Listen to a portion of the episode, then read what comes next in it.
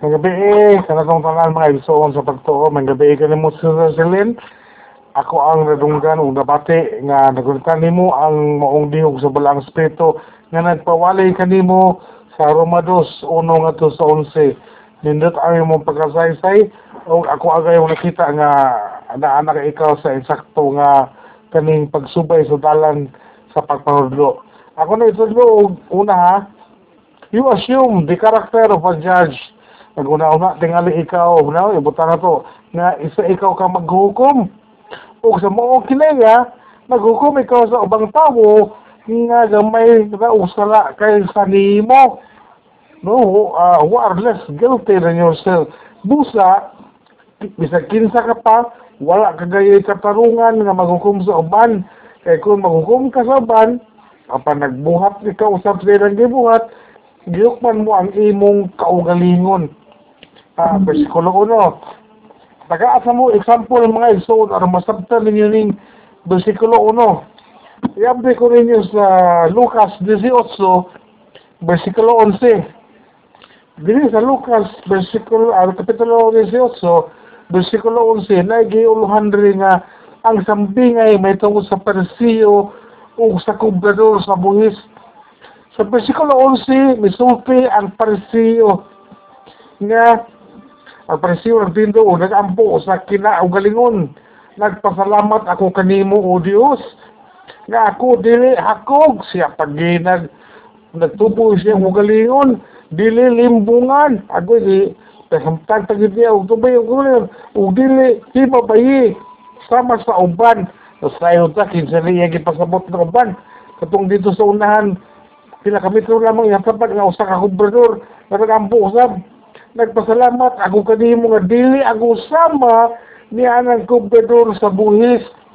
Sa mga pagampo sa Parisiyo, giyukman niya ako ng kubedor sa buhis. Lord, kanang arang-arang na lang ko, Lord, kay nakabig ko kanimo, Lord. Di sama ani mga tawanan nga mga palahubog, yapon, mga adik, mga kawatan, mga dismusa, unsa rin ha. Nagpasalamat ka sa imong kugalingon, imong gisaway o imong gihukman. Ang uban nga kunungay wala pa nakadangat. Pero usa nga imong gihimo aron sila makadangat. Imong imong kabigon imong gihukman. Na wala pa sila nakakuano pala hubog gini sila niya po. Sa iwan nga pagkasusdi naghukom ikaw. Dayon gibutang nga ang Dios lamang ang adunay katungod nga maghukom for God is an impartial judge No, na dito sa iyang gibutang sa katapusan, no? Sa versikulo 11, basa na siya sa Selen, nga ang Diyos walay pinarabi, dili pihig, walay gipili. Gayon, ang judgment sa Diyos will be according to our real character ang paghukom unya buhon sa Diyos pagsumikat sa atong tinuod nga kinaiya. Kung atong basahon ang versikulo 4, balik na dito sa Roma 2, napilo na ba na ako ni Kansa, haleluya, halayo. Roma 2, versikulo 4, O giabusahan ba nimo ang iyang pagkamalulayon o pagkamainan tuson o pagkamapailubon? Wala ka mamasayod nga kaluyan ka sa Diyos aron ka maghinulsol. Minsahe ka ni alang niya mga daotang tao, nagkikinala nila nga maghinulsol. God delays His anger. No di pa dugay kay di pagawas sa Ginoo yang kasuko. Alang na ito mga dautan na imong gihukman. Aron sa katapusan makahinuso sila o makabig ngadto sa pagtuo sa iyang bugtong anak nga atong Ginoo sa Ginoo sa Kristo. Unya kita nga mga Kristohanon kita man ang mag kaning magkuan sa kabubuton sa Dios dinhi sa kalibutan atong tabangan ang Ginoo nakabuton tong atong gihukman. Na librad librad na ako isulti nimo. Dili kay ato sila hukman sa wayon. No? Pili man ka mo discriminate kani bala ode pili ka mo discriminate kana bitang uh, ali diri brad inom ta. Ali diri brad tagay ta ali brad na ah dili ko ana kay dili na pili sa ko discriminate palayo kanila kanang dahil ko ha kay naaman din ako ang mga kauban simbahan god Ay, alam mo kalay, discriminate, pero never judge. Adi ko eh, kamo lang, kamo lang kayo, mga kuan mo mo, mga palahubog mo, lingaw mo mo na, ayaw. Balibad, discriminate, pwede magkana mo discriminate, palayo. Nga, wala ko din sagol nila kay mga kuan mo to, gihapon. Wala pa mo sila nakaila o insakto nga paagi. So nagpalayo lang ko, dali lang ko nakitapok ninyo.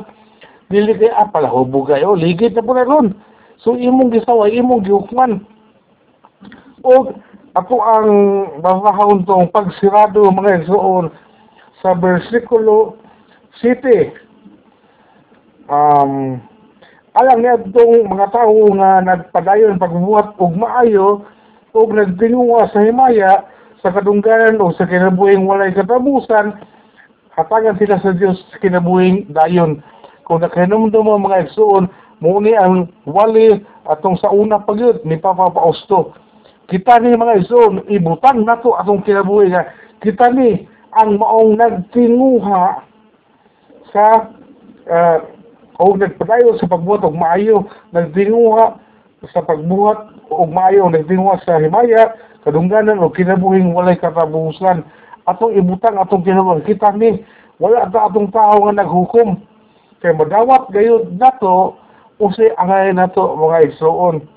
Na klaro na ko nga batay na ko si Susilin kay kanim ko akong Bible ako na siyang markahan og unsa siya nga klase nga wali Kaning Roma dos gimarkahan ako na kapag gitudloan si si Luli o si si Samayan eh. Ako nagimarkahan og explanation og gi-explain sa insakto ni ni Jesus Sil karon siya pagwali.